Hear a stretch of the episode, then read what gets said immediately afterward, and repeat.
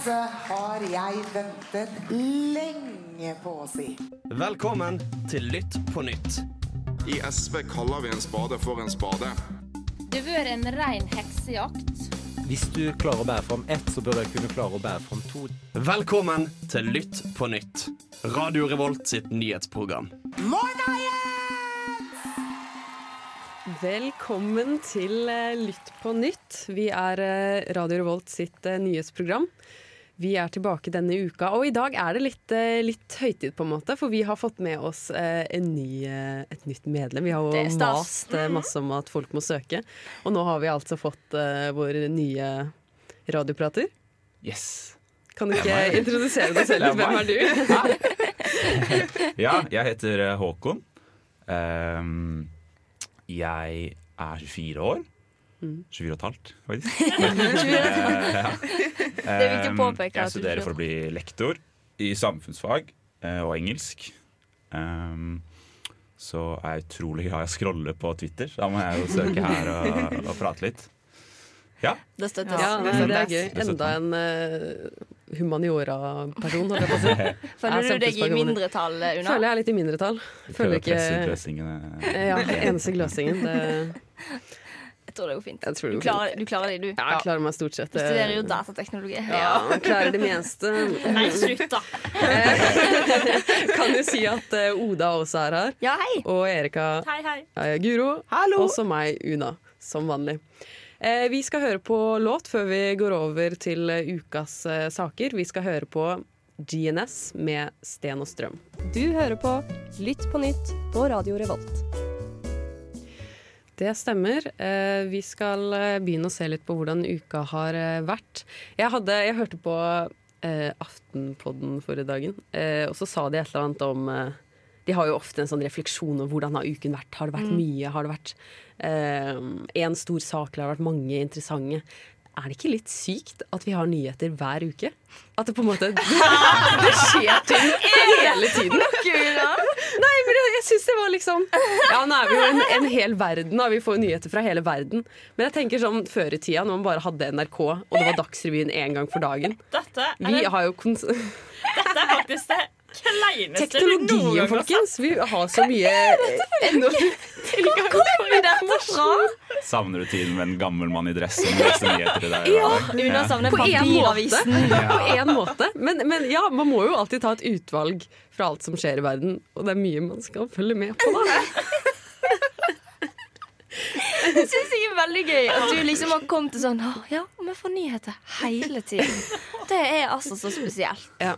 Men jeg er enig med deg, det er jo, eh, det er jo mye å følge med på. Men jeg føler ikke at dette har vært en av de mest sånn hekt... Jo, det har vært et hektisk nyhetsuke. Altså, vi skal jo snakke om Myanmar senere. Eh, det, det har jo tatt i hvert fall stor plass i mitt eh, nyhetsbilde.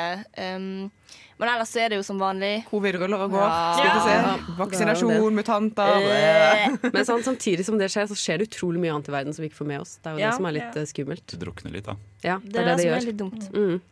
Men eh, eh, for å snakke litt om eh, covid, da. Det går ikke så veldig bra i Bergen. Det går jævlig dårlig, faktisk. Hva Har det noensinne gått bra? i? Hei, hei, hei. Det har ikke gått bra siden Oslo tok over som hovedstad, men eh, siden 1349. Når det kom et skip til Bjørgvin. Ja, det, 1349. ja, det var det året det sluttet å gå bra i Bergen. Ja. Eh, ja, for de skal stenge ned i kveld. Jeg fikk Ja, nettopp det en nyhetsvarsel sånn. om at eh, nå, har, blir det, nå blir det Oslo i Bergen, liksom. Ja, for de har jo hatt eh, både det sørafrikanske eh, muterte viruset og, det Og- britiske ja. muterte viruset. Og de har en god del tilfeller, så det er titalls tilfeller av begge deler. Eh, som de er litt usikre på eh, hvordan, eh, hvordan har spredd seg og litt sånn. Eh, så det er jo Ja, de hadde eh, gitt opp på pasient null. Jeg leser det her nå. Ja, de sånn, det, de, oi, ja, de hadde gitt opp. Ja, de hadde gitt opp på leiten etter pasient null. Det var urovekkende nyhet. Ja, det er jo Da veit en jo på en måte at det er så mange flere eh, tilfeller av det muterte viruset, da. Ja. Egentlig. Ja, nei, Men det har jo vært noen tilfeller i Trondheim òg nå, på en eh, arbeidsplass. El nei, elleve. Det er eh, over ti, i Ja. hvert fall, på en arbeidsplass. Men alle er fra samme sted, så altså man vet eh, hvor du kommer fra. Så jeg tror man har ganske grei kontroll. Virker som Men, kontroll på den, ja. Ja, det virker som ja. kontroll. Jeg liker at Oda skrudde av nyhetsvarselet på telefonen sin. Ja. Og det virker som at hun liksom har Hun henger ikke like mye Nei. med lenger. Liksom. Nei, men jeg gjør ikke det. Fordi se hvor forvirret hun ser ut liksom, nå. Før jul så, så var jeg sånn Nå orker ikke jeg høre mer om covid. Jeg, jeg, bare sånn, det, jeg har det langt oppi halsen. Jeg gidder ikke mer. Jeg gidder ikke høre om alle sånne små utbrudd i en eller annen pissekommune langt vekke. Så derfor skrudde jeg av nyhetsvarselet. Eh, men nå ser jeg jo at det er på en måte ikke så lurt. Det er sånn alle bare sånn Ja, det skjedde i Myanmar, og det er smitteutbrudd der og der. Og jeg bare sånn får skjønne det et halvt døgn etterpå. Eh, men vi skal leve godt med det, egentlig.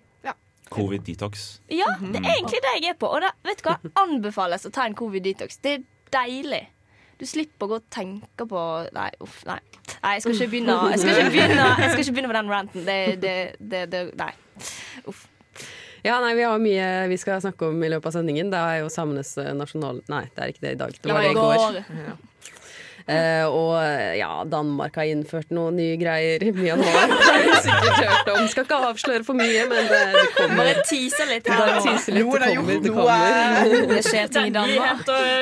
Følg med. Følg med på videre på sendingen. Vi skal høre på Kantona med Carola her på Lytt på nytt. Jeg er Fredrik Solvang, og du hører på Radio Revolt. Det stemmer. eh, Og nå skal vi ned til vårt eh, naboland eh, Danmark, for de har vedtatt nye kostholdsråd. Ja, og ja, det, som egentlig har skjedd, er at det er en, Danmark har laget en ny database som består av 500 matvarer, som skal hjelpe danskene med å spise mer klimavennlig. Og her kommer storfekjøtt enda dårligere ut enn vanlig. For altså, det er jo kjent for alle at uh, storfekjøtt eh, er veldig lite klimavennlig å spise. Hvis det kommer som en overraskelse på deg Ja, som hører noe, nå, da har du bodd under en stein. Ja, ja, og i denne nye databasen så har de regnet ut at uh, det verste du kan spise, da, er en indrefilet. Og at uh, en At ett kilo, én kilo indrefilet tilsvarer 152 kilo CO2-utslipp. Og det vil si en kjøretur fra Danmark til Paris. For, for en kilo med kjøtt, liksom. Ja. Det er det- så sykt. Sjukt Ja, det er vel ikke så langt fra det vi vet fra før. Ja, ja, Nei, men nei, det- men det er når du tenker på det sånn, en Ja. flyreise versus en biff. Mm. Det er jo da det blir så tydelig at ok, det er faktisk helt sjukt. Ja, for Er det ikke da litt uh, teit at vi ikke bare kan kutte ut litt mer kjøtt, så kan vi faktisk fly Ja. like mye? At det eh, sant? det er um, mm, jeg kan Det er det mest effektive hvis for, du- eh, tiltaket man kan gjøre som Hvis du lar være å spise den biffen, så kan du faktisk reise til Paris. Jeg er Ja. ganske for det. Og hvis du da lar være å spise biffen og heller ikke reise til Paris, da er du vi- god! da er du god. Har vi fiksa det. Ja, ja. Fikset alt. Herregud. Ikke spis biff og ikke dra til Paris. Det Men se for dere, hvis vi bare kutta ut kjøtt, så kunne vi liksom reist hele tida på tvers av verden. Vi reiser allerede hele tiden på tvers av verden. Ja, med god samvittighet, da. Med god samvittighet. Nei, ja. Med god samvittighet, Med altså. bedre samvittighet. Ja. Du kan aldri reise med god samvittighet. Jeg vet ikke, nei. Men uansett, jeg tenker på eh, For meg, når jeg tenker på dansker, så tenker jeg liksom ikke sånn at de er veldig typisk miljøvernere. Jeg ser liksom for meg Rød pølse ja, folk som spiser kjøtt og drikker øl. Det er litt sånn Jeg, bare, jeg føler ikke at det blir godt mottatt. Det det er samme som det skulle gjort det i Norge. Norske Ja. folk Se for deg liksom 40 gammel mann som bare sånn «Å, 'Jeg må ha kjøtt til middag'. Det er en grunn til at eh, kjøtt ikke ble nevnt i regjeringens nye Ja. klimaplan. Liksom. Det, det ble ikke nevnt eh, sånn Fordi hvite menn stemmer faktisk. Ja, det-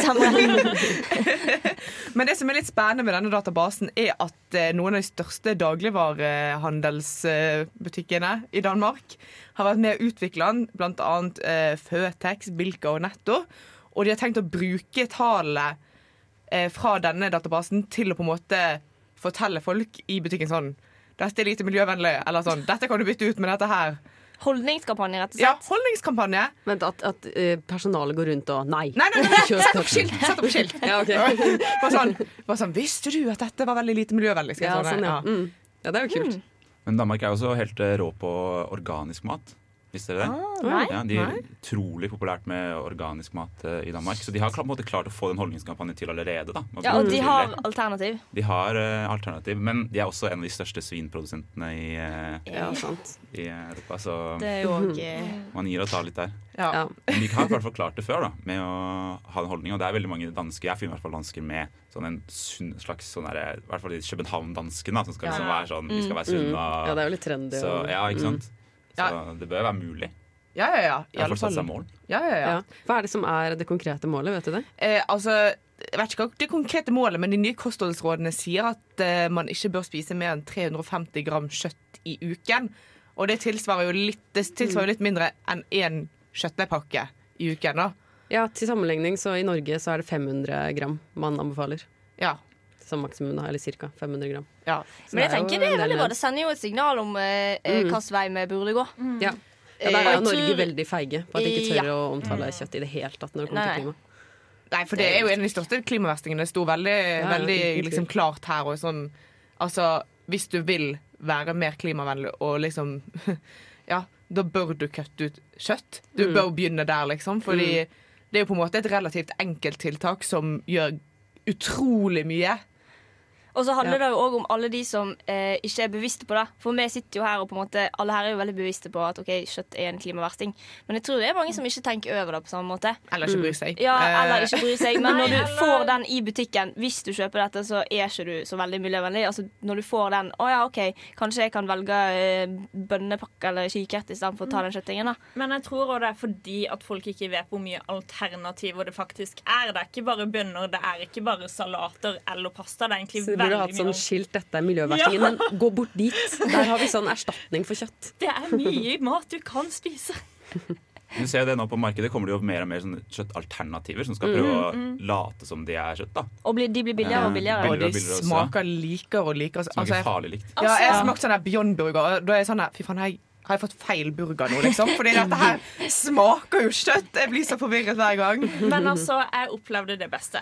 Jeg elsker min favorittmat er wienerpølser. Men jeg slutta jo å spise eh, gris for to år siden etter den grisdokumentaren. Det er en annen debatt.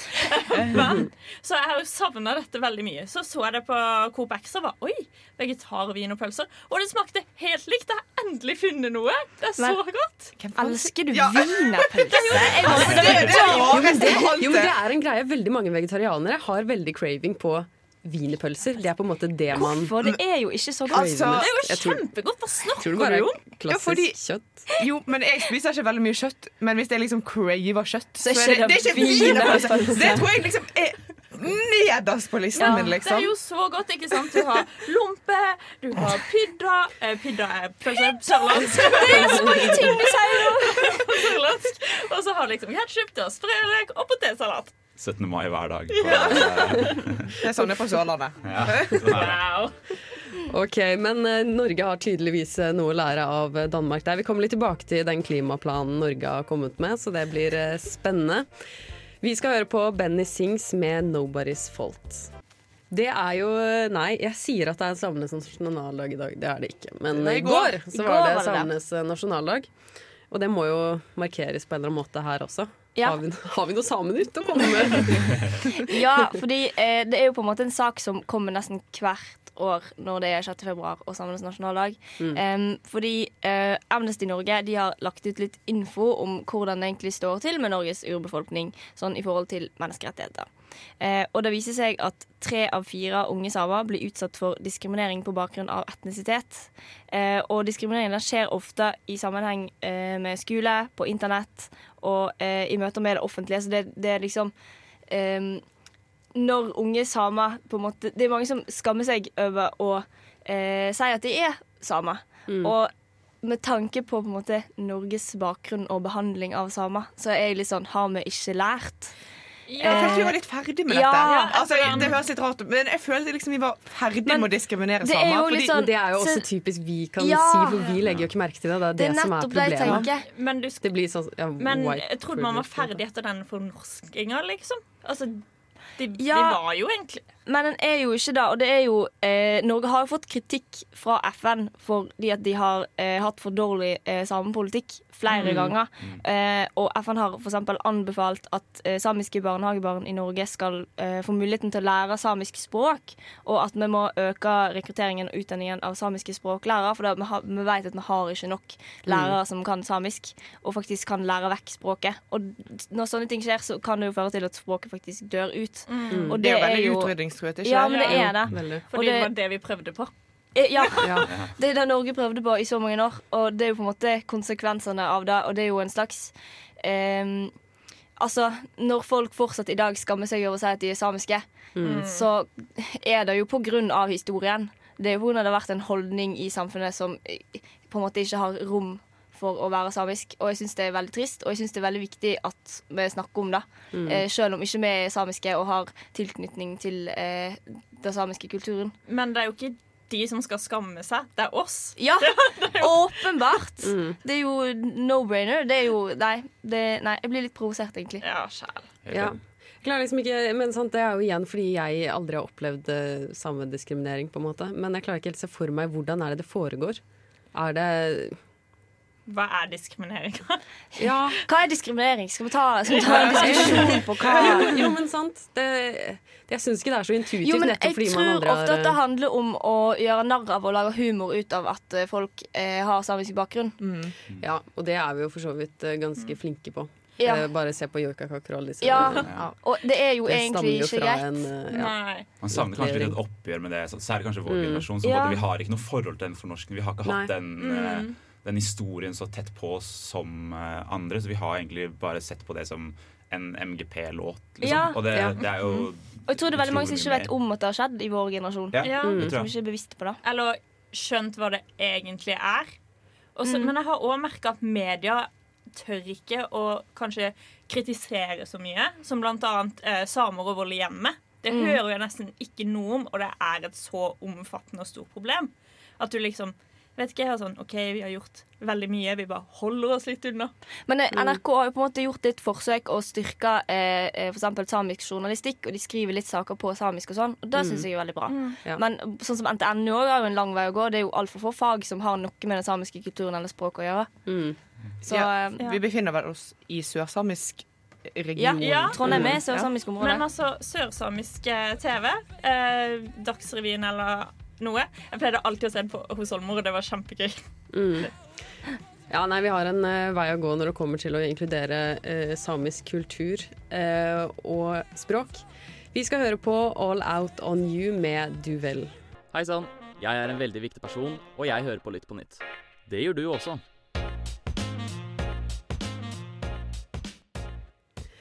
Nå skal vi snakke om den arabiske våren, for den fyller Kan man si at den fyller år, men eh, det er i hvert fall ti år siden den startet. Ti år siden den starta, og eh, en har jo sett litt tilbake på eh, hvordan har det egentlig gått med disse landene som eh, gjennomgikk, gjennomgikk en revolusjon egentlig Mm. for ti år siden. Og en kan jo egentlig konkludere med at det har jo ikke eh, gått den veien som de tenkte når de begynte å demonstrere i Tunisia, liksom.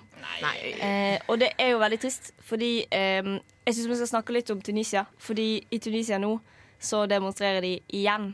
Fordi at de er ikke fornøyd med eh, de som styrer landet, og de er ikke fornøyd med utfallet av eh, den arabiske våren. Fordi det er eh, ca. en tredjedel av den unge befolkningen i Tunisia som er arbeidsledige. Eh, og de blir jo selvfølgelig da frustrerte og sinte over at det er ingen som gjør noe med det. Um, og det som skjer da, er at de har demonstrasjoner i gatene overalt. Eh, og krever at noe blir gjort. Um, men eh, det er jo sånn at politiet eh, kommer i voldelige sammenstøt med demonstrantene. Det virker ikke som om det på en måte går deres vei, da. Eh, og så er det jo det, Demonstrasjonene bærer preg av at folk er sinte. Eh, fordi at demonstranter har kasta steiner, brannbomber på offentlige bygg. Det har vært plyndring, det har vært hærverk, og uroen er veldig, veldig stor i de fattige områdene. Eh, og så har jeg veldig lav tillit til politiet i tillegg. Så det er liksom sånn, det er en dårlig situasjon som bare blir verre og verre dess mer du leser om det. Det, det, og det, jeg syns det er veldig trist. For det er, liksom, det, det er ti år siden den arabiske våren. En hadde på en måte forventa at en hadde kommet lenger. En hadde forventa at det skulle bli et bedre utfall, men det har jo åpenbart ikke gjort det. Um, og så er det òg mange som mener at eh, den demokratisk valgte presidenten, Kais Saeed, at han har brutt valgløftene sine fordi han har ikke redda økonomien. Landet er på randen av konkurs, liksom.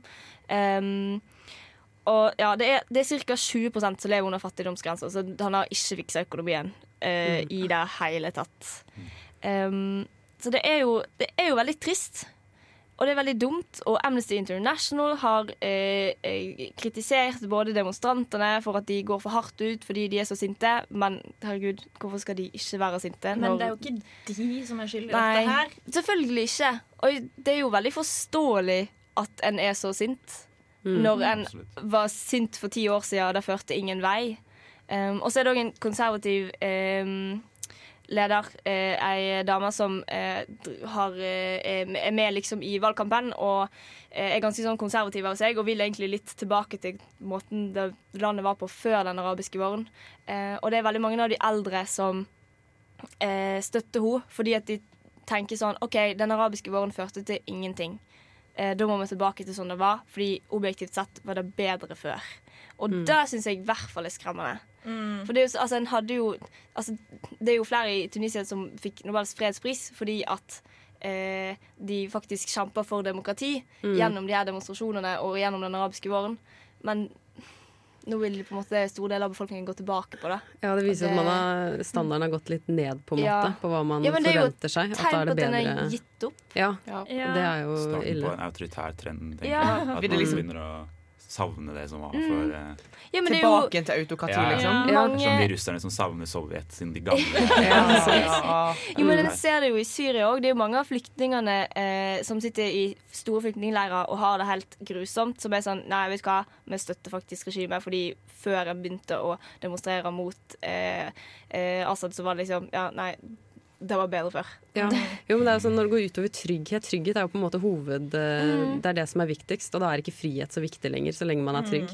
Det er jo en forståelig resonnering i det, men det er jo skummelt at man har mistet håp om at man kan. Men det som er skummelt, er jo at man forstår at folk vil tilbake til at man har diktatorer og man har liksom forferdelige regimer. For de har det så ille. Det sier jo hvor langt vi har kommet. Mm. Ja, det er jo en naturlig reaksjon, da. Men samtidig, jeg syns det er veldig trist. Ja. Og veldig dumt at Altså, Alle hadde jo så stort håp til den arabiske våren. Mhm. En tenkte at nå blir det liksom et paradigmeskifte. Nå, nå skjer det noe. Folk vil ha demokrati. Folk vil ha eh, en mer liberal eh, måte å styre staten på. Revolusjon! Men det virker som det ideale sånn, De som demonstrerer nå, er jo, var jo ikke engang altså De var kanskje 10, mellom 10 og 15 Det, ja. år når den arabiske våren Mm. var. Eh, Mm. Og det er jo de som nå er aktive og fremmer det samme idealet som de hadde for ti år siden. Da. Mm. Så sånn sett så lever jo på en måte det enda, om som ikke litt mer eh, Det er sant, så det er jo litt håp. Det er jo Mm. typisk når de nye generasjonene kommer, så har de litt uh, andre standarder. Ja, nei, det er kjipt når man ser tilbake igjen på historien og ser at det ikke gikk helt i riktig retning likevel. Vi skal høre på Lady of Leisure med 'Spilling Coffee'. Dette er Adelina, og du hører på Lytt på nytt. En Sorry. sorry. Ja, litt uh, treig der. Um, en av de kanskje ja, det er vel kanskje den største saken denne uken som har vært snakket om. Det er jo uh, militærkuppet i Myanmar. Det kommer jo som en overraskelse på, på alle, egentlig. Mm. Um, for det skjedde jo uh, noen få timer før nasjonalforsamlingen skulle samles. Altså den nyinnsatte nasjonalforsamlingen skulle uh, samles for første gang. Um, ja, så vi må jo litt tilbake inn i tid for å liksom forklare eh, hva som er grunnen til at dette skjedde. Eh, fordi nå, siste valg, så var det Aung San Suu Kyi eh, og Nasjonalalliansen for demokrati som vant valget, med 80 eh, Og det skjedde da etter at eh, man har hatt militær, eh, militært diktatur i eh, nærmere 50 år. Så dette er på en måte første demokratiske innsetting. Men samtidig så har det ikke vært det. fordi et av premissene for at de skulle få lov til å ta over, det var at eh, militæret skulle fremdeles ha 25% i eh, nasjonalforsamlingen. Sånn at de ikke kunne endre grunnloven til å ikke lenger være et militært Mm. eh, regime. Så i praksis har det betydd at selv om de vant valget, så har de ikke egentlig hatt noen reell makt til å kunne utføre noe særlig. Um, ja, sånn at dette valget vant jo likevel da mm, den nasjonale Nasjonalalliansen for demokrati. Ehm, men eh, grunnen til at det demokratiske valget ble innsatt i utgangspunktet, var fordi de trodde, militæret trodde de skulle vinne det valget. Så nå er det da snakk om valgfusk. Nei, dårlig ta for Eh, ja, sant. Er. Veldig trumpsk. Ja, det er i vinden, det der. ut. Sånn, militæret trodde de skulle vinne valget, da. Ja, så derfor ble det nå militærkupp, da. Fordi Ja. de skulle jo vunnet valget uansett. Litt sånn Trump-feeling her. Ja, Eller veldig. Men det som er rart, er at eh, militæret har jo egentlig i praksis hatt makt i landet. Så hvorfor da Ja, komme med et militærkupp. det er jo Det er veldig mange sånn ikke politiske kommentatorer som ikke skjønner hvorfor. Mm. Hvorfor gidder de å ta et militærkupp når de i praksis har styrt? Ja. Det ser jo bedre Ja. ut å styre litt sånn eh, eh, i hemmelighet Mm. enn å faktisk gjennomføre et kupp. Ja, for da har de hatt fordelen at de kunne på en måte skylde Ja. på Mm. regjeringen når mm. ikke ting gikk deres vei. Hvis de gjør noe dumt, det er sånn nei, nei. Ja, det er ikke vi som styrer landet, liksom. Dere stemte ikke på oss. Men er det noe, er det noe føre-var-prinsipp her, kanskje? At de, eh, er det sånn de føler at de begynner at de, de fikk 80 Det er tydelig stemme i Mm. befolkningen Ja. for eh, demokrati. Det er et godt blitt mye mer markedsliberalt i landet. Mm. Mye mer krefter som de ikke lenger har så kontroll på som de hadde for eh, 20-30 år siden. Så Mm. de føler at de trenger å gjøre det her nå for ikke å, ikke å miste kontrollen om fem år, kanskje. Men det, jeg synes at det, det virker jo veldig logisk, fordi folk eh, ble jo Altså befolkningen i Myanmar ble jo kjempeprovoserte når dette skjedde. Mm. Men siden de har veldig liten tillit til politiet og var litt redde for å demonstrere, så begynte det hele med at alle satt hjemme i sitt eget hus og bråkte ut vinduet. Og det, det, jeg syns det er så sykt kul måte å demonstrere på. Du bare sitter der med pannelokken din og bare smeller fordi at du er uenig i noe som skjer. Men eh, etter hvert så begynte de å gå ut i gatene og demonstrere. da. Eh, så det er jo ganske tydelig at befolkningen eh, Militæret ville ikke vunnet valget, da. Nei, nei det sånn. viste jo valget helt tydelig. Ja, og det stemte nok. Ja, det, det gjorde det. Det gjorde det absolutt. Nei, men eh, mm, jeg vil jo igjen snakke litt om eh, at eh, Aung San Suu Kyi har fått fredsprisen. Fordi eh, kan vi slutte å gi fredsprisen til statsledere? Det Hun var jo ikke statsleder på det tidspunktet. Ja, da. men, men, Men hun, igjen, så kommer mitt stående argument at da hjelper man. Altså man gir en dytt til noen Ja. som gjør et positivt Mm, arbeid for ok. demokrati i et land. Det er jo Syns du at det har gått så sykt bra? Det har jo det. Altså, hun har jo ikke hatt noe makt. Så hun har jo ikke kunnet gjort noe med for eksempel Det har hun ikke kunnet gjort noe med fordi at militæret i praksis har eh, eh, ledet landet. Ja, men likevel, det, det handler jo om å eh, Hun har jo ganske mye symbolsk makt, selv om hun ikke har så mye fysisk makt. Ja. Altså- Så at hun har liksom vært sånn Hun har jo bare okay. latt være å kommentere det. Det Ja. er jo ekstremt dårlig for en fredsprisvinner. Men tror dere ikke militæret er livredde for den symbolske makten hun har? At hun må Selvfølgelig. Ja, ja, for jeg tror hun nå er redd for eh, Ja. militæret igjen. At hun har ikke reell makt. Men likevel, hun, men hun vet jo at hun har hele den vestlige verden i ryggen, liksom. Fordi Ja. har fått Men hva hjelper det? Hvor ofte Ja, jo, gidder Vesten si det. Har Vesten gjort noe nå, liksom? Det, Men det er nettopp dette her, da. Fordi at først når de gir fredsprisen, er sånn Å, disse er kjempeflinke. Du, du, du. Men hvorfor skal vi fredspriser til noen som bare gjør jobben sin? De skal Ja, lede landet. det er en ikke jobben hennes. Nei, hun det er var jo- hun var, har jo vært Nei, en men- Hun var jo aktivist. Ja, hun har gått fra å være student eller et eller annet til å altså, Ja, hun var jo bare en som jobbet for demokrati i Myanmar. Mm. Eh, helt til hun ble liksom statsleder. Ja, okay, Det er verre å gi den til Det er verre- Etiopia. det er verre å gi den til de som faktisk er er det. støtter fremdeles Det er det, greit. Ok, Nei, vi får eh, gå til eh, låt. Vi skal høre på Young Franco med 'Fallen Apart'. Du hører på Lytt på nytt, Radio Revolts nyhetsprogram. Det stemmer. eh, Og nå skal vi snakke om dating under korona. Ja. Er det det vi skal? Vi skal det, fordi eh, folk sine datingvaner har forandret seg etter at korona begynte. Eh, det er mindre one night stands. Det er mindre eh, liksom sånn tilfeldige eh, hook, eh, hvis en kan kalle det det. Åh, nå følte jeg meg gammel når jeg sa det. Oh, herregud, jeg er 40 Som år. disse ungdommene sier. Å, sånne sier. Nei, men eh, poenget er i hvert fall at folk eh, leter mer etter langsiktige forhold. De blir mer kjent med folk før de ligger med dem. Eh, og på en måte det er fokus på liksom å skape et langvarig forhold eh, heller enn å bare ligge med noen. Er det så veldig overraskende, egentlig? Nei, ja. nei liksom jeg syns at det er det veldig interessant. Liksom, at det er jo det er pandemi, og det gir jo mening, men likevel så er det jo litt sånn Det er jo eh, interessant at folk overholder smittevernreglene og er sånn Nei, nå vil jeg ha et langvarig forhold. Ja, de har fått eh, beskjed av Bent Høie. Ja, ja. Du kan gjerne er ligge med noen, men da må du ligge Ja. med det Er det fordi Bent Høie sa da at dette Hvis du er forelska i noen hver dag, så, så er det kanskje ikke så lurt. Men hvis du blir forelska én gang, da går det fint. Maks ti forelskelser i uka. Men jeg tenkte å høre med dere, Har deres datingvaner forandret seg etter at covid begynte? Eneste forskjell er at jeg nå kan skylde på korona. nei, nei, herregud, jeg vil jo overholde smittevernregler. Det- Ja, jo, jo, men det er jo mening. Ingen som har vært på Zoom-date eller noe? Nei. Nei. Og det ser jeg for meg hadde vært så kleint. Altså, Zoom er kleint i utgangspunktet, Ja. men folk man altså- kjenner. Ja, men det, er Og når du, sitter, du Og første folk, date er òg kleint i utgangspunktet. Ja, og så kombinerer du de to. No Kleint med thanks. kleint. ja, Men det- Minus og minus blir pluss. Du kan jo da dele skjermen, så du kan ha en Zoom her, så kan du scrolle litt på Sitte på YouTube eller noe sånt ved siden. Ja, av. det er sant. det er en fordel. Kan du endelig scrolle på date, liksom? Ja. Ah, yes. Sitte på Tinder mens du Og det er nye fordeler med dating under pandemi. Da, egentlig.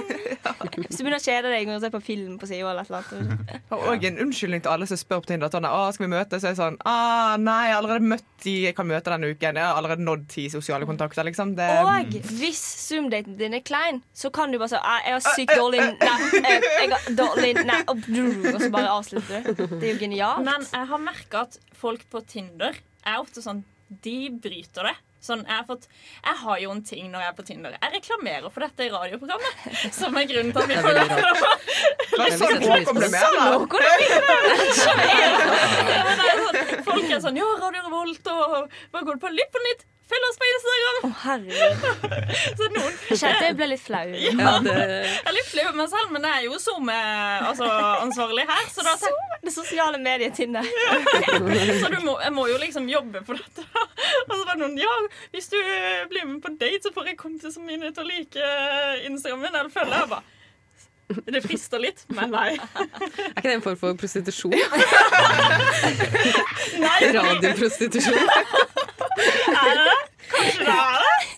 Men sånn, kanskje vi, for å, for å liksom gjøre dette litt mer ekstremt, kanskje vi bare sånn lage en sånn eh, Du vet sånn de guttekollektivene som har Tinder sammen. Så vi bare sånn lage Lytt på nytt sin Tinder. Bare sånn, Følg oss, så får du en date, liksom. Jeg har faktisk en kjempegøy ting. Eh, Kusina mi hun sendte meg snap i går, og da hadde hele kollektivet dates med tre randos de hadde funnet på Tinder. Jeg tenker Det der er ikke attraktivt for meg i det hele tatt. Jeg har Nei. ikke lyst i det hele tatt. Det høres bare shady og ikke gøy ut. Ja, nei, det er ikke sånn datingvane datingvanene våre skal endre seg. eh, At vi skal gå på i 2021. date No sammen, thanks. alle sammen. Jeg bare Ja, litt, litt kritisk til det. Men Oda, hvordan har dine datingvaner endret Nei, seg? Det er litt samme som deg, egentlig. At nå kan jeg skylde på okay. eh, pandemi.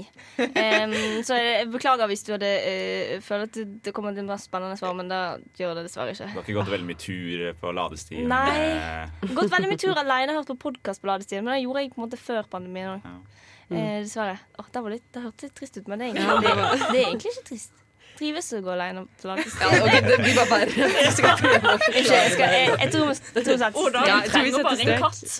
En katt, Jeg så er liker du jo der. ikke Ja, dyr. det er jo enda verre. Du må bare begynne å like katter. Fem katter, tenker jeg. Så er det det. Eller du kan begynne å drikke A Bottle of rum som er neste låt vi skal høre på, med Siu Siu. Hva er det du liker best ved studentradioen? Jeg hører alltid på studentradioen. Vi skal ta opp tråden igjen eh, fra forrige uke, når vi snakket om India. Vi, vi endte jo på en måte liksom opp med å rose India Ja, veldig. var Vi var veldig positive. positive til, eh, til India. Ja, Så jeg tenker Til nå skal India vi på en måte regjering òg, eller? det var, Ja, jeg tror vi bare elsket altså, det eh, var, Eh, det var Etiopia 2.0. Ja, det ble litt uh, mye positiv energi på det. Men uh, nå skal vi trekke det litt ned igjen, da. For, for å balansere det Kanskje det er det vi skal begynne. Ta liksom den ene siden av saken én sending, og så den andre siden eh, Ja. andre sending. Kanskje det kan Det høres veldig lite konsept. reflektert ut. Så da, Ja, det, En god idé. da gjelder det ikke å høre på feil sending. Ok, For det som nå har skjedd, det nyeste som har skjedd nå, det er at eh, Amnesty har blitt eh, Eller kontorene til Amnesty i India har blitt eh, lagt ned av, eh, av myndighetene i India. Eh, og de har egentlig drevet ganske sånn aktiv svarte, svertekampanje mot Amnesty India. Eh, I likhet med egentlig veldig mange organisasjoner som jobber for menneskerettigheter. Eh, men eh, nå sist så har de da klart å stoppe pengestrømmen til eh, organisasjonen, som gjør at de da har måttet legge ned. Så eh, det eh, er jo litt eh, dårlig valg av eh, de, da. Eh, Men er ikke det bare litt av grunnen til at de gjør det her, er eh, Kjipe de, altså. Ja, det er kjipe folk. Ja, for litt av grunnen til at rett, eh, rett før eh, de ble lagt ned, så kom de ut med to rapporter eh, som kritiserte da menneskerettighetene i eh, Eller ja, at de ikke følger menneskerettighetene i India, blant annet eh, i forbindelse med politivold mot eh, muslimer under eh, opptøyer i Delhi og lignende.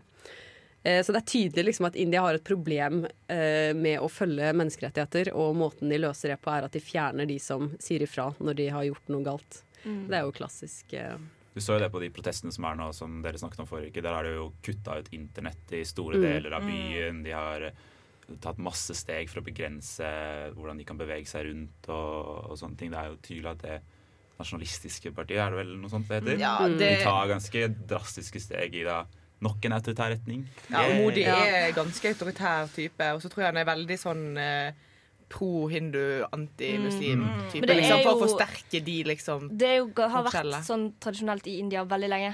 Altså det, typ, Ja, ja, men han er ekstrem. Han er sånn Ja. Trump elsker han, liksom. Da vet du at det er noe galt med fyren. Det- Åh, det er veldig, veldig Trump han, da vet du at det er noe galt. Men det er jo, eh, når de la ned det kontoret, så var det jo òg eh, Var ikke det 138 mennesker som mista jobben, som jobber på det kontoret òg, som bare Jo, står dagen. helt uten eh, mulighet til å jobbe lenger, midt i en pandemi. Mm. Det er jo Det er jo ikke det er jo ikke, ikke greit. Nei, og så er det jo- menneskerettigheter, og så får de det fælt. Og så er det jo skummelt òg, da, for vi har jo utrolig bra ordninger da i Norge. Men her er det jo ingenting. De er Ja, nei, de er helt uh, uten jobb nå. Ja, for det Mm. første så ville jo ikke Norge lagt ned Amnesty-kontorene i Norge. Og så det liksom Da sånn blir det dårlig stemning. Ja. Ja, Hvis Erna bare sånn Nei, Jeg legger ned Amnesty. Jeg liker ikke de er ikke så, jeg er ikke så glad i de lenger. Det. Muligens hvis Vedum blir statsminister, da. Oi, oi, oi. Wow. Han kommer bare til å flytte distriktet. Det går fint. Amnesty-kontoret skal ligge i Ulsteinvik. eh. Ja, nei, det, eh, dette var vel mest for å liksom balansere fra forrige sending at eh, India er ikke Det er ikke bare det er bra. ikke, det er ikke bare bra. Det er Men det er jo fremdeles utrolig kult at befolkningen demonstrerer som de gjør. Mm. Og til tross, altså selv om de blir kuttet, internettet blir kuttet og eh, lover blir eh, innført mot deres vilje, så demonstrerer de. Og det er jo helt massive eh, demonstrasjoner i hele landet. Så det er jo noe bra Altså, Det er jo fortsatt verdens største demokrati. Liksom, og de, Nettopp. Men hvis man tenker at USA er 15 forskjellige land, så kan man tenke deg India, som er eh, Ja. tre ganger så mange mennesker. Mm. Det er mange retninger som drar, altså. ja, ja, og desto mer imponerende at de klarer Ja, å samle klarer det folk i mm. Absolutt. Ja, nei, men klarer de egentlig å samle folk? Altså, det er jo et eh, ganske Det har jo alltid vært et splitta land, og det er jo ganske tydelig at det fortsatt er det. Ja. Altså, det er jo Litt som ja. alle andre gigantiske demokratier. Ja. Bare Ja, enda mer Egentlig bør man bare splitte alle store demokratier. Ja, alle burde vært på størrelse med Norge. Det, det funker godt her. Jeg prøver å konkludere med det. Alle Ja, burde- være sånn som Norge. Vi skal høre på Sofie med Unisil. Ja da, ja. Mitt navn er Martin Lepperød. Du hører på Lytt på nytt! Det stemmer, eh, og nå skal vi gå litt inn på studentnyheter. For det har jo kommet eh, en ny krisepakke, kalles det det? Ja. Ja, Eh, For uh, studenter. Mm. Uh, mens nå har det vært en eh, ny eh, endring i uh, stipendordning for Lånekassa. For før var det sånn at du kunne søke stipend for nedsatt funksjon... Ikke hemming? Nedsettelse. Ne ja. Eh, og fordi at hvis du hadde nedsatt funksjonshemmelse Evne. Evne det- Så var det Jeg kan bare ta annenhver Ja, eh, annethvert ord for deg. det. Eh, så kunne du ikke ha verv. Fordi da mener man at da kan du jobbe ved siden av studiene. Selv om det er ubetalt. Men dette har jo eh, Rullestolforbundet annet kritisert. For det er sånn, ja, men veldig mange kan ikke jobbe.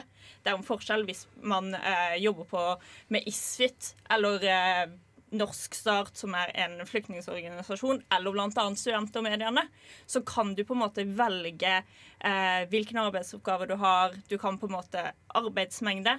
Så nå har det blitt veldig mye kritisert, så nå snur de. Og dette ble sånn samme dagen så ble det endra, så nå kan man ha verv eh, og få dette stipendet. Og det er jo egentlig veldig bra. Det er jo egentlig veldig bra. Nei, det, er- det er sånn Ja, jeg skjønner logikken i at hvis du har et frivillig verv som student, så kan du òg jobbe, men det er jo ikke det, Det er ikke samme. sant. Det er Nei, det blir jo litt som å si hvis du har fritidsinteresser. Ja. Hvis du kan gjøre ting, Og så kan du også hobby, jobbe. du sitter og spiller piano på fritida, men da kan du jobbe òg. Men da kan du bli pianist. en liten sånn eh, deltidsjobb som pianist eh, Mm. mens du studerer. Så det er jo veldig bra at de har snudd. Ja, ja, Eh, og det gir jo egentlig veldig mening. Ja. Det, det, altså, hvorfor har det ikke blitt endra før, egentlig?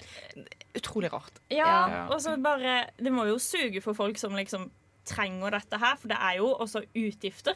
Mm. Som sånn støtteordninger og Folk har det ganske kjipt når ikke de har funksjons... Ja, jeg tenker de som, de som har det, kanskje ofte havner litt utenfor fra før av. Har lett for å gjøre det, kanskje. Og da er jo frivilligheten en utrolig bra måte å havne innafor igjen, da. Ja. Og så er det jo andre ting òg. La oss si psykiske lidelser. Det er jo en ting som gjør at folk ikke kan jobbe. Ja, for hva er definisjonen for, for eh, funksjonsnedsettelse? Gjelder det alle former for begrensninger i hermetegn? Ja, altså psykiske eh, lidelser. Der er det funksjonsnedsetting. Og så er det blant annet det var, eh, Ryggskoliose, er ikke det det heter? Sånn, eh, hvis du har eh, ryggproblemer, så kan du få Sånn det. skeiv rygg, liksom? Ja. Ja. Hvis du har Dysleksi sykt også, dårlig det, syn faktisk. Ja. Å ja, nei. For folk som har astma nå, da, eller?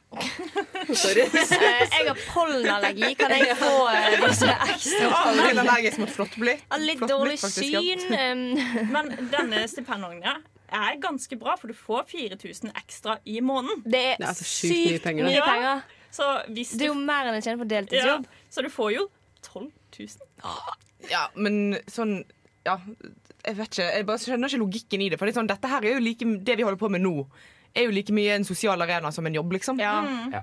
Uh, Mens det, jeg føler liksom når jeg er på jobb, jobb på pizzabakeren, eh, så det er ikke en sosial arena for meg, liksom. Det, Wow, hater du kollegaene dine? Nei, jeg gjør ikke det. Men uh, jeg henger mindre med kollegaene mine enn jeg gjør med dere. Ja, jo, ja. Jeg tror de fleste som har hatt verv, kjenner på den. At Ja. Det er ikke nærheten av det samme å kunne Nei, stå på hen som Maurits og pushe klær, og så stå her og Ja, det er liksom det. Så det er litt paradoksalt at uh, vi kunne starta en podkast i stua, og så Mm. hadde vi fått lov til å gjøre det, men hvis man skal stå her, så kan man jo ikke Ja. mm -hmm. Altså, er, reglene er utrolig rigide, så Ja. det er veldig Ja. bra at de, de løsner litt på det. Altså. Og så en annen ting som har blitt kritisert, da, hvis du har funksjonsnedsettelse, og i pandemien, hvordan skal du få jobb i tillegg? Ja, det er også et uh, godt poeng for hvorfor den regelen ikke burde vært der i utgangspunktet. Uh, vi skal eh, gå over til låt. Vi skal høre på Lala og C med Atlantis. Hei, vi er Honningbarna, og du hører på Radio Revolt. Da skal vi gå over på en ny sak. Vi skal snakke om Ja, skal vi snakke litt om Senterpartiet? Det kan vi. Vi kan snakke om Senterpartiet. vi liker jo å snakke om Senterpartiet her Ja. i Lytt på nytt. Det er, om det er noe vi gjør, men jeg føler de må snakkes om òg. Det er jo et av Norges største partier om dagen. Ja. Ta mye plass. De tar mye plass. Virkelig. Altfor mye plass. Eh, men eh, jo, fordi eh, denne uken her så hadde Altså, det er jo alltid Politisk kvarter, men Senterpartiet var invitert til Politisk kvarter for å snakke om klimaplanen, eller ja greiene til regjeringen. Fordi eh, de har ikke klart å bestemme seg ennå for hva de mener om denne her. Og derfor ville ikke de møte opp eh, heller, for de ville ikke delta i det politiske spillet. De vil snakke om politikk. Og derfor møtte de ikke opp på Politisk kvarter. Det er veldig gøy! Mm, spennende. Og det å si at du ikke vil delta i det politiske spillet, er jo å delta i det politiske spillet. Det er jo en eller annen slags form for sånn der eh, retorikk som er sånn der Å nei, vi holder oss for gode til spill og Ja, men Grunnen til at de ikke gidder å dukke opp, er jo fordi velgerne deres er ikke så opptatt av eh, klimapolitikk. Og da trenger ikke de å være opptatt av det heller. Nei. Altså, da ja. Det er tjener ingenting på å være med i den vidt. debatten. Ja. Men det er jo også, Senterpartiet er jo ikke eh, alltid de beste i debatt. De er jo veldig gode på å uttrykke sin egen politikk når de har ingen motstandere. Når det er en måte- vaffel og en kaffe til Ja, stede, liksom, da er de det veldig er jo gode på en på det. måte det de har spesialisert seg på. Og det er jo veldig latter. ja, men det, og det er jo veldig eh, De der framstår jo som veldig folkelig, i motsetning til de partiene som har drilla politikerne sine til å sitte i debatt og er supergode på det. Ja. men, um, så det er jo det imaget deres òg, egentlig. Men for min del så er det sånn Jeg tenker at eh, det blir for dumt at ikke de kan svare for seg. Altså, Klima burde jo i alle fall være en av de viktigste sakene i denne valgkampen. Sånn som det burde vært alle valgkamper. Mm. Eh, og så klarer de på en måte Altså, jeg synes det er så Altså At de ikke klarer å finne liksom, et standpunkt på der engang. Liksom. Det eneste de vet, er at de hater CO2-avgiften og vil ha lavere bensinpriser, liksom. Men eh, Ja, men fordi jeg begynte å tenke på det bare sånn, ok, hva, hva er egentlig klimapolitikken til Senterpartiet? For de snakker aldri om det, så en vet ikke noe om det. Så jeg gikk inn på Senterpartiet sitt partiprogram, Ja. eh, som man gjør. Eh, og så sjekker jeg da klimapolitikken, og der står det annet at de vil ha eh, innen 2030 40% utslippskutt, som er 15% mindre enn regjeringen og EU og FN sitt. Og Frp. Ja, så det er jo, det er jo ikke en veldig eh, ambisiøs eh, klimapolitikk som Senterpartiet har lyst til å føre. Men de fører jo ingen klimapolitikk, så det er jo Nei, men eh, da de satt i regjering, i rød-grønn eh, regjering, så var jo de med på å undertegne avtale med EU. Eh, som denne, eh, disse målene til regjeringen er en del av liksom veien mot å nå disse, disse målene til EU-avtalen. Eh, og hvis ikke vi når de, så får vi refs av EU. Som man Som- skal! Ja, men, ja, men som Senterpartiet igjen har vært liksom, De Det er et annet Senterparti. Det De, de, som, de, som har, eh, de som signerte den avtalen, har jo gått ut og sagt at vi, Vi ønsker å dra partiet Mm. i en mer hva skal si, venstreretning i Mm. eh, miljøsaken. da Ja. Ja. Men eh, det har jo forandra seg helt, partiet. Sånn Men så sett. sier du noe når Navarsete har kommet ut og var sånn Vi må tenke mer på miljø. Og som sier litt om hvor annerledes denne retninga har blitt. Ja, men det gir jo mening. Altså, Senterpartivelgerne driter jo i miljøet. En stor andel av de. Nå skal ikke jeg snakke Jeg skal kjøre bil med Ja, bensin og, og og selvfølgelig, Norge er igjen Dette har jeg sagt mange ganger før, men Norge er nummer tre på lista over land med flest andel klimafornektere. Selvfølgelig eh, er de en del av velgergruppa. Så sånn sett er det jo eh, ganske demokratisk at Senterpartiet har en litt sånn, eh, etter mitt syn, dårlig miljøpolitikk. Fordi at folk vil ikke ha den miljøpolitikken. Eh, Så det er jo på en måte ulempene med demokrati, da. Men eh, nei, når, når Senterpartiet kan bli et av de største partiene, så kan de ikke la være å snakke om miljø. Nei, for det er jo på en måte litt det som er Senterpartiet sin eh, strategi. De bare dropper å ha en politikk på ting. Og så nå kan de være i opposisjon og påpeke at å, men bensin Å, skal, skal ikke bonden få lov til å bruke Ja, den gamle å. bensinbilen til Ja. eh, jobb? Det er de flinke til å si, men de har jo ikke noe jobber. svar. Det, altså det, de Ja, er sant. veldig gode på å liksom bare slenge ut ting, men jeg føler Mm. Jeg, jeg skjønner utrolig lite av den faktiske politikken deres. for Ja, det er fordi de ikke har noen faktisk politikk så vil, disse tingene. og så vil de ikke liksom møte opp for å snakke om det heller. Det, Nei, for det tjener det ikke noe på i debatt. Sant? Så dette er jo et populistisk parti uten med like. Ja. Altså, la oss si at uh, Vedum blir statsminister.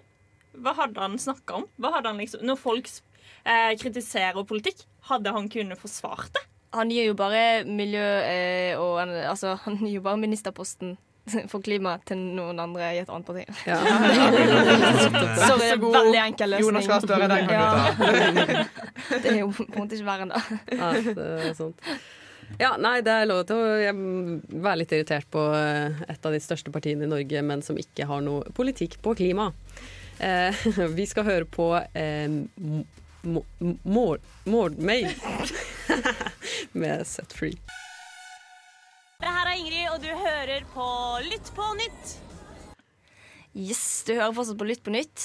Eh, og nå skal vi snakke om en sak som en gang i tiden fikk Frp til å gå bare ut siden. av regjering. Ja, det det føles. Ja, det føles ut som det er ti år siden. det er eh, var et annet liv.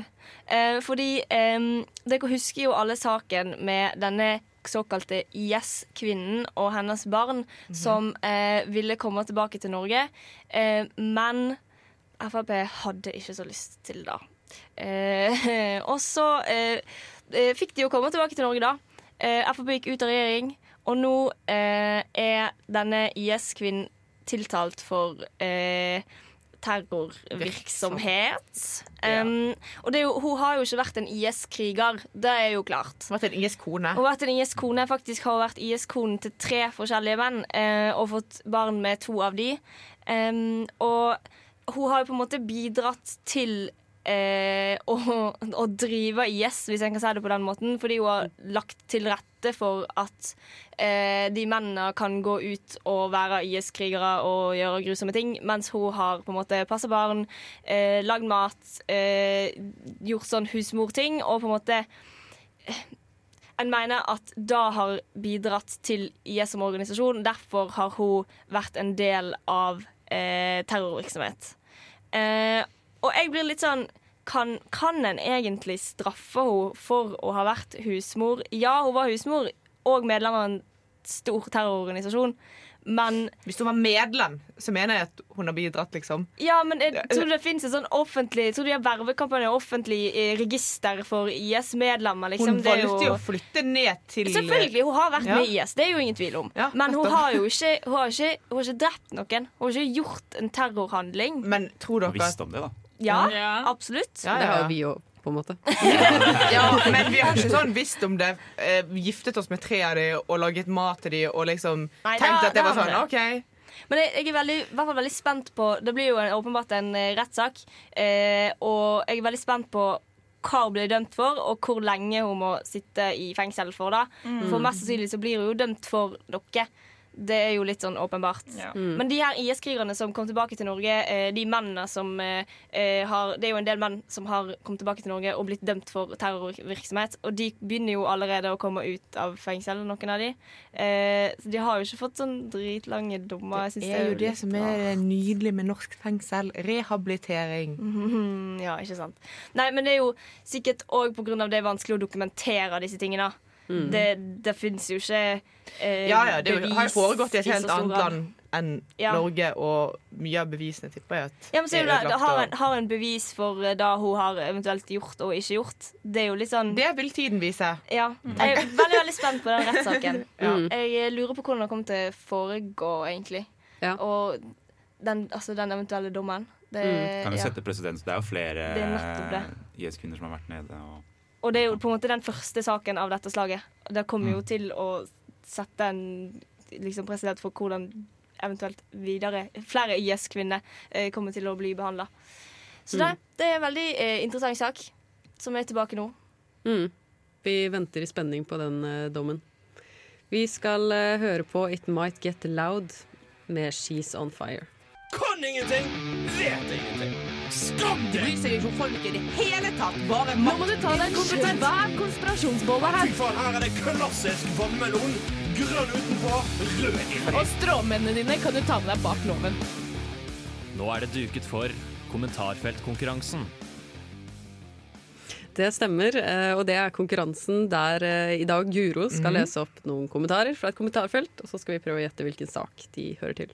Det stemmer. Og denne uken har jeg vært i NRK sitt kommentarfelt. for Wow, Det spennende. jo alltid Jeg visste ikke at. NRK hadde kommentarfelt åpent. Nei, de de, ofte- men eh, denne gangen hadde det, og de hadde fått eh, veldig mye kommentar kommentarer på akkurat denne saken.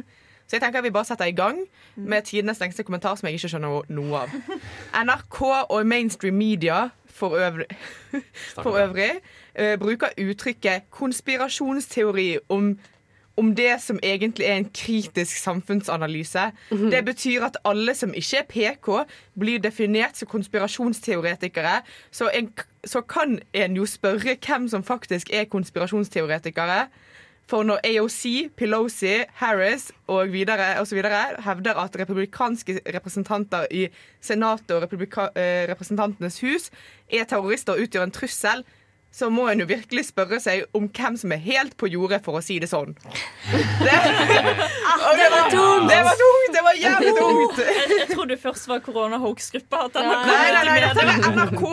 Neste kommentar. Jeg går rett videre. Jeg. Ja. Neste kommentar den er ikke så Den er liksom uh, litt imot den forrige, men uh, det som var interessant med det, denne, er at navnet er skrevet i runer. NRK Nei, altså liksom, Brukeren sitt navn er på liksom norrønt. Han heter ikke Runar. Nei, nei, nei. Det, det er Ja, han heter skrevet Runar. i Hønsehjerner og politikk er en dårlig kombo. Flott at de blir utestengt fra komitéarbeid. Men skal du til USA? Ja, ja det skal vi. Alles favorittgalehus. Ja. Sånn.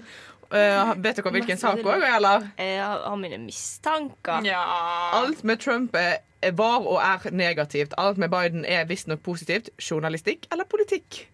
Hva stenger den inn på slutten? Jeg, jeg vil bare påpeke, Vi er jo alternative medier, da. Ja. Vi er ikke del av. MSM, som de forkorter det til her. Altså, Eh, vi er jo Tines hater MSM. Vi skal vel til eh, QAnon-damen, Mhm. som jeg liker å kalle henne. Ja, og hun er også kalt Marjorie Taylor Green, Mhm.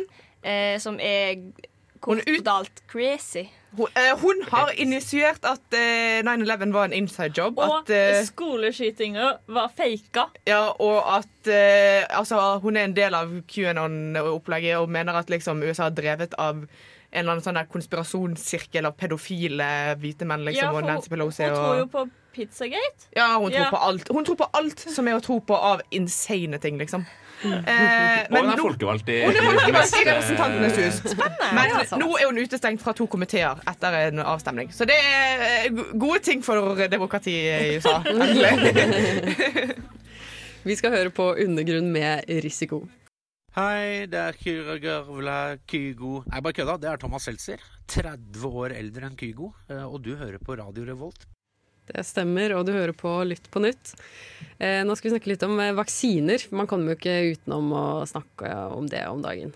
Nei, og eh, vi skal snakke spesielt om vaksinefordelingen. Mhm. Fordi det er jo sånn nå at eh, en prioriterer jo selvfølgelig å vaksinere de eldre først. Det gir jo mening. Mhm. Eh, men så har en på en måte lagt seg på en linje der er sånn OK, en skal eh, prøve å vaksinere litt sånn like stor andel av befolkningen i de ulike kommunene. En skal eh, fordele vaksinene på en veldig sånn eh, Rettferdig måte. Rettferdig måte. Men så kommer jo spørsmålet Er det egentlig rettferdig å gi vaksine til eh, kommuner som har hatt null smittetilfeller, som er for eksempel Utsira, da, Norges minste kommune. De har aldri hatt covid-tilfelle. De bor ute på ei øy der det er en båt som går to ganger om dagen ut der. Eh, det, det store deler av befolkningen er allerede vaksinert nå, fordi det er en ganske eh, eldre befolkning, som det ofte er eh, på bitte små plasser.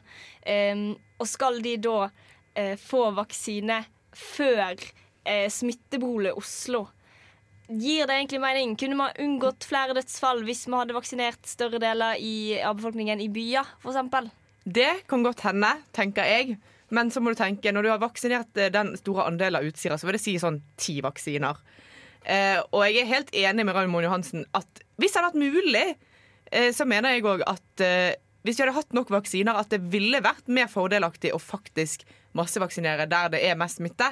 Men i Norge i dag så er det ikke nok vaksiner. Det er liksom I de her småkommunene så er det liksom sånn ah, seks vaksiner der og seks vaksiner her. Det er jo to hus i Oslo, liksom. Det, Jo, men alle måneder drar. Det har jo Nei. likevel en eh, Ja, det har en Det er jo en del av vaksinen, liksom. Ja, men samtidig så ser du òg nå at eh, selv om det aldri har vært smitte i en kommune, så kan det gå så galt som det gikk i Ulvik nettopp, hvor det aldri har vært smitte. Og eh, hvor nå hele kommunen sitter i karantene. Det er utbrudd av mutasjonsvirus og vanlig virus. Og der hadde de faktisk klart å smitte, nei, vaksinere en stor andel av den eh, mest kritiske befolkningen. Vil si seks personer. Altså, jeg, det, gir mening for meg at det skal være rettferdig fordelt. Eh, og det hadde gitt mer mening for meg hadde vi hatt mer vaksiner. Jeg, jeg tror bare at det kan ha mer skade enn eh, eh, ikke, når vi faktisk ikke kan massevaksinere Oslo. At det gir en slags falsk trygghet, fordi det er ikke nok vaksiner til å drive sånn Vi kan ikke gjøre hele Oslo immun ennå, liksom, uansett. Nei. Nei, men det hjelper jo med å holde smittetallet nede. Og det er jo mye lettere å holde kontroll på disse små kommunene. Enn det er å Men holde kontroll det det? på Oslo. Ja, men det er jo, også i altså, da er det jo bare i å sette små- hele kommunen i, i karantene, da, Ja, og så går det fint i i to små uker. Så det, går, Det går jo ikke, det. Altså, men det handler jo òg om hvordan folk bor. Altså, folk, på, I distriktet så bor folk lenger fra hverandre. Det er lettere å distansere seg hvis det Mhm. kommer et smitteutbrudd. Midt i Oslo så er det kanskje ikke det. Det er store kollektiv, det er folk som bor tett i tett i tett. Det, det, sånn er det på en måte å bo i en by. Så det gir jo mer mening å vaksinere folk som bor i en by, selv om det høres litt grusomt ut at en skal på en måte prioritere noen fordi at de bor en plass og eh, nedprioritere Men- andre. Men det er liksom, en hadde kanskje blitt fortere kvitt covid. En hadde kanskje eh, hindra større smitteutbrudd, fått smittetrykket litt ned. For det er jo da alt handler om nå, å på en måte dempe det ekstreme smittetrykket som en ser i byene. Men det er jo dritskummelt. For la oss si ja, Oslo det er bra med vaksiner og alt det her. Men det er jo eldre i disse kommunene nå. Hvis det kommer covid der, ja, du kan finne smittekilden og alt det her, men hvis noen er der med covid, da er det jo folk som vil dø, mest sannsynlig. Så det er jo derfor vi burde fordele det. For selv om det trengs en annen by, kan det gå til helvete i en annen. Men det er jo derfor vi har smittetiltak. da At man skal holde to meter, og at man ikke skal eh, Ja, de ha for mange Ja, men det er jo på lettere besøk. å holde de i Det er nettopp det det er. Det er det òg, men eh, altså, dette har jo FHI òg hatt eh, grundige gjennomganger på, og de mener jo at dette er den beste måten å vaksinere på. Ikke bare fordi nå skal de være sånn å, snille, men det er liksom vi har ikke så vaksiner, mange vaksiner å rutte med. Vi har jo, altså I Oslo bor det over 600 000 mennesker. Så mange vaksiner har vi ikke hatt i Norge ennå. Liksom. Det- Vi hadde jo ikke klart å vaksinere én by engang eh, i dette tempoet her. Liksom. Det går jo allerede dritsakte. Så da Tror tenker du jeg ikke det hadde vært raskere med å vaksinere hvis vi kunne isolert det til én by? At da kunne de fått virkelig fortgang på det Jo, men i den byen? Ja, men for det er litt da blir det liksom det Oslo er immun, men Trondheim og Bergen som også, Nå har jo Bergen òg store smitteutbrudd. Men de har og vært kjempeflinke til å klare å få ned smitten ganske Mm. fort. Men Hva med belastningen? Altså belastningen på Oslo? Altså Alle i Norge har jo blitt belasta av korona på en eller annen måte, men den har jo vært større Ja. i Oslo. Det kan, må man jo Mm. kunne si. Ja, ja, ja. Jeg er jo helt enig i at Oslo er jo de som har blitt mest utsatt for dette viruset. Og Oslo har lidd det siste halvåret. Eh, og når det er mulighet for det Altså, Jeg mener jo at de fleste vaksiner bør gå til Oslo òg, men at det må være en viss rettferdig fordeling i resten av landet òg. Du kan ikke ekskludere småkommuner, for det kan skje plutselig voldsomme utbrudd der òg. Ja, fordi det viktigste er jo at folk ikke dør. Det er ikke det å komme tilbake til normalt liv og alt det her. Vi må jo sørge for at folk ikke dør, og det er derfor vi burde vaksinere det, så ikke risikoen er i små byer heller. Ja. Jeg tror ikke, jeg tror ikke vi finner ut av det. Nei, jeg- jeg- Jeg er enig med det første. Det Det er veldig gøy om vi var litt smartere enn FHI òg, liksom. Ja, Men, det ja. Men det er uansett veldig vanskelig. Ja, det er det. Og kanskje egentlig ingen løsning er optimal uansett. Løsningen, beste løsningen er å få litt flere vaksiner. Kom igjen, Astrid Vi fikk 21 000 i dag. 21 000 i dag. Det er, Det er fortsatt Mm. ganske langt unna 1,5 million, men uh... Nei, jeg er på oppover. Det går i riktig retning. Vi skal høre på eh, Chevils med 'Monsters on TV'. Jeg er Fredrik Solvang, og du hører på Radio Revolt. Og det var en proff innledning. Du hører også på Lytt på nytt. Eh, vi skal eh, ha en, hva skal man si, en liten debatt i studio. Runde to? Runde Ja, to. jeg føler dette blir en sånn spalte vi har, egentlig. Ja, vi liker jo å diskutere, så det passer bra at vi har litt organisert debatt. Krangler litt. Men ok, Temaet i dag er eh, drikkekultur. Ja, for det er jo veldig gjeldende for oss da, som er studenter, og vår drikkekultur er veldig mye nevnt. Men det nevnes ikke så mye om som folk som ikke drikker. Blant annet hos studenter. Så er det, La oss si at jeg sier nei, jeg drikker ikke på fest. Sånn Å ja, er du kristen? Som oftest med dialekta mi. Så har jeg fått høre det veldig mange ganger. Kan jeg bare, sa- du at du har sagt at du ikke drikker til noen før? For det hørtes ikke helt Ja, riktig ut. det eh. var- no, no. det? må ha vært før vi ble kjent med deg. Jeg har vært edru på fest. Jeg har vært edru mange ganger. Det snakkes om at du ikke er edru nå. Bare, hva er det som skjer her? Men poenget da er at man får veldig ofte kommentarer. Enten eh, er du kristen, er du syk, tåler du ikke alkohol? Istedenfor at man bare kan si jeg drikker i kveld. At det bare skal være OK, sånn. Jeg drikker i kveld. Å ja, greit, greit. Og det er jo veldig dumt for folk som ikke drikker, og det skaper en dritt drikke, eh, drikkekultur. Ja, og det er veldig trist at det ikke er rom for at folk bare en dag velger å ikke drikke. Men er det ikke det? Men jeg- jeg føler at jeg bryr meg veldig lite om hva folk drikker på fest. Og jeg kjenner folk som ikke drikker, men som fortsatt er kule på fest. Jeg, Ja. jeg vet ikke, jeg har iallfall Jeg vet ikke. Jeg tror nok man opplever at uh, man får mye kommentarer hvis man ikke drikker på fest. At det på en måte blir Mm. veldig et uh, statement.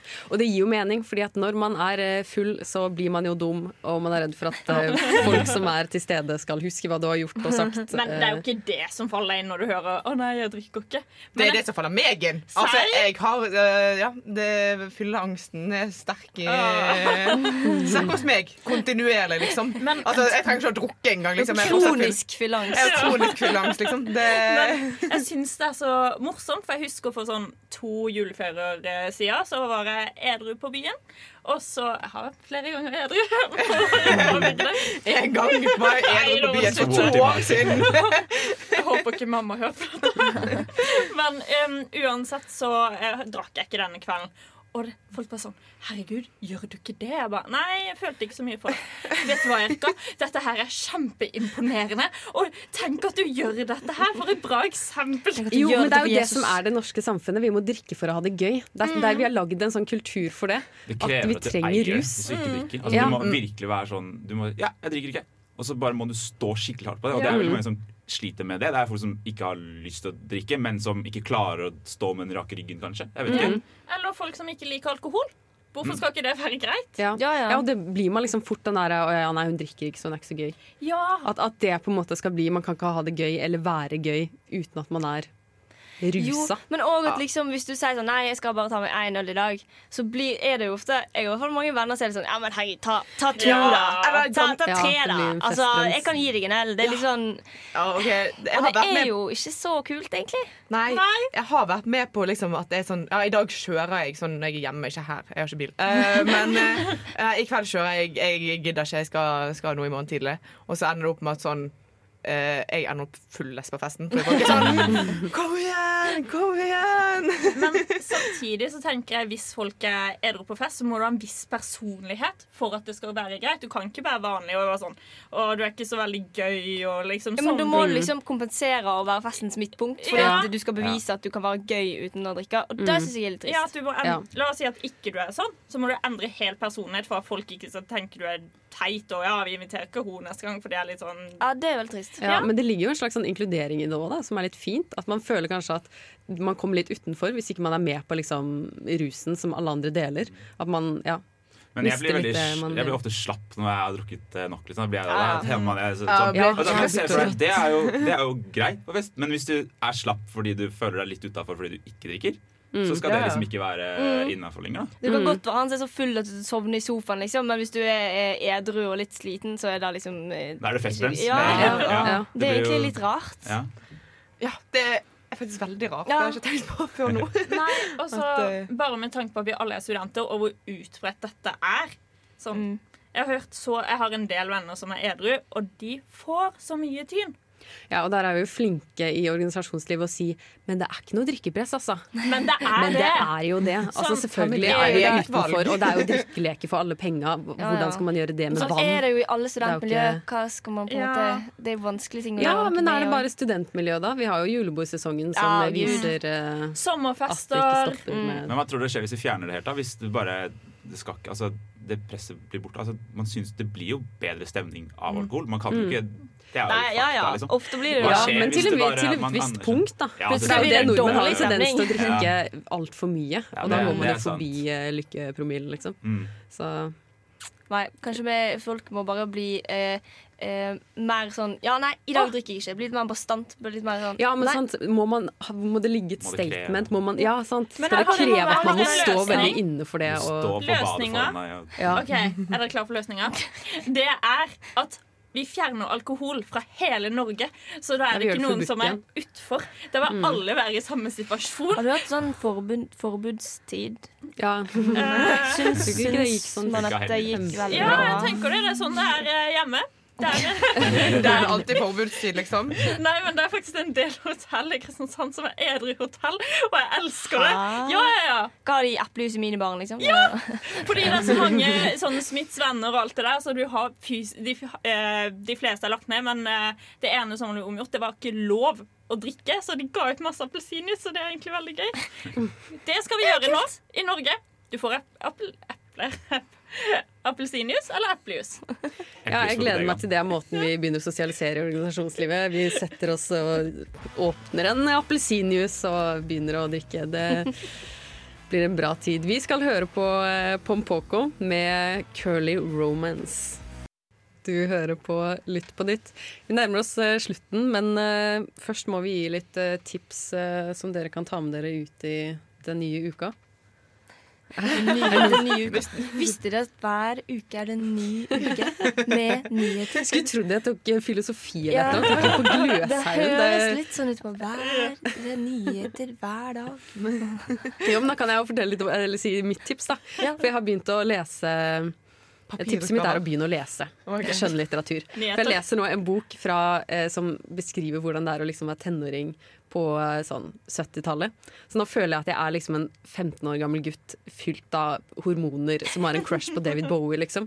Eh, og jeg lever veldig på det. Og så hører jeg på musikk fra 70-tallet og føler liksom jeg lever litt i en annen tid. Så og jeg tror ikke det er helt dumt i nå som Nei, det det er er ikke korona og Jeg ikke så tror mye det som er skjer. sunt. Ja. Pass på så du ikke blir drafta til Vietnamkrigen. Ja, Ja, er det. Men vet du hva, det å begynne å lese mer skjønnlitteratur er et veldig godt tips. Jeg har begynt å lese ti minutter før jeg legger meg én gang i uken. I boken min. Det er start. Mm. Det er start. Ja, fordi ofte så tenker jeg sånn Nå har jeg lest hele dagen på skolen. Nå Ja. gidder jeg ikke å lese mer. Men det er jo noe helt annet å Jeg vil skjønnlitteratur. scrolle på TikTok. Ja, det er det jeg gjør. Dessverre. Men jeg har et tips. Fordi eh, Vi har tipsa om denne Norge bak fasaden-serien til TV 2, eh, som er veldig god. Um, og eh, Sist uke så, så jeg en episode som handler om litt sånn alternative miljø.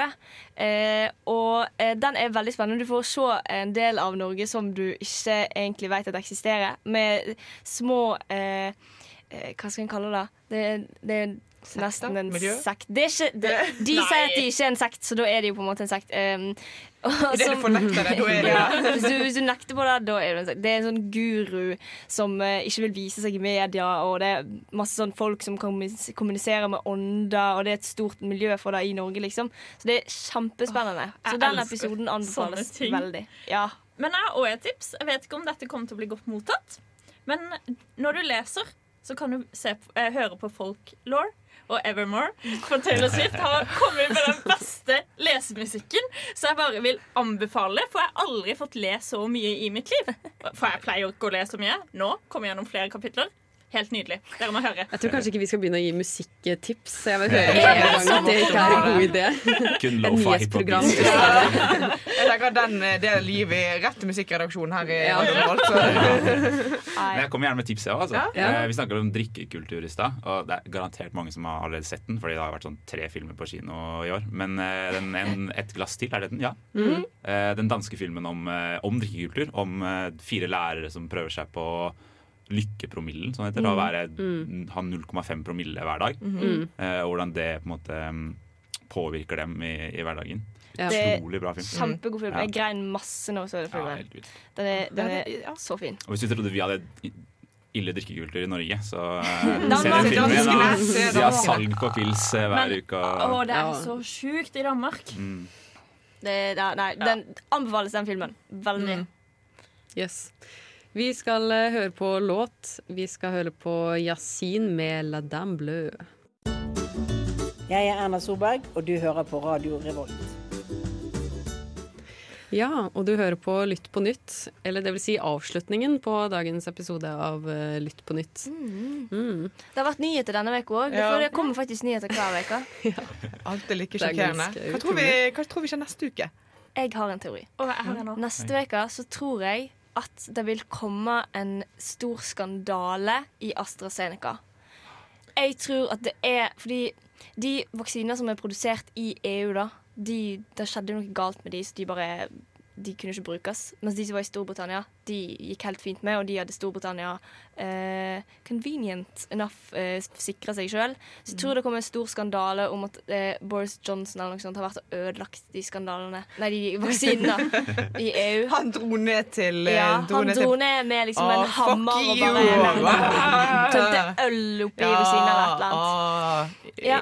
Eventuelt kanskje Great sånn korrupsjonsskap korrupsjonssak med at Storbritannia har fått så mange vaksiner fordi de eller et eller annet sånt. Ja. Mm. Mm. Jeg, sp- jeg spår det. At det blir. AstraZeneca. Ikke Sputnik. Det skjer ting med neste uke. Jeg føler, liksom, jeg føler den neste vaksinen ut i køen er Sputnik, liksom. Nå, Vil du ha Sputnik-vaksinen? eh, den er nederst på listen, men jeg har faktisk en prioritert eh, Jeg har prioritert rekkefølge. Liksom. hvilken vi har alle vaksinene. Hvilken har du Det er lyst på?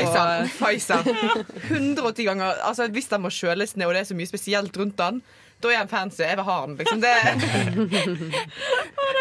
Men Erika, du hadde en spådom. Ja, jeg hadde en spådom. Eh, Senterpartiet ønsker å samarbeide med KrF. Og Det gir mening. Mm. Ja, sant, for det er sykt mange kristne velgere. men problemet er at det, det er ikke vits i er å samarbeide med KrF. Det er, Nei, altså, de er, KrF er jo bare bortkasta så energi. Det, Ap bare synker og synker, liksom. Det er en og så tror vi at liksom, Ja, at KrF kan liksom Ap, stige. KrF. Nei, det er at. Ap er ute. Og så er det bare ja. KrF. Ja, Ap forsvinner, og så kommer KrF, og da får de flere kristne velgere. Sant? Det er ikke sikkert vi får riktig i de her Og så. Går flere fra Arbeiderpartiet inn. Vi får se om, om det stemmer. Jeg tviler nå litt. Vi sier eh, ha det for i dag. Ha det bra.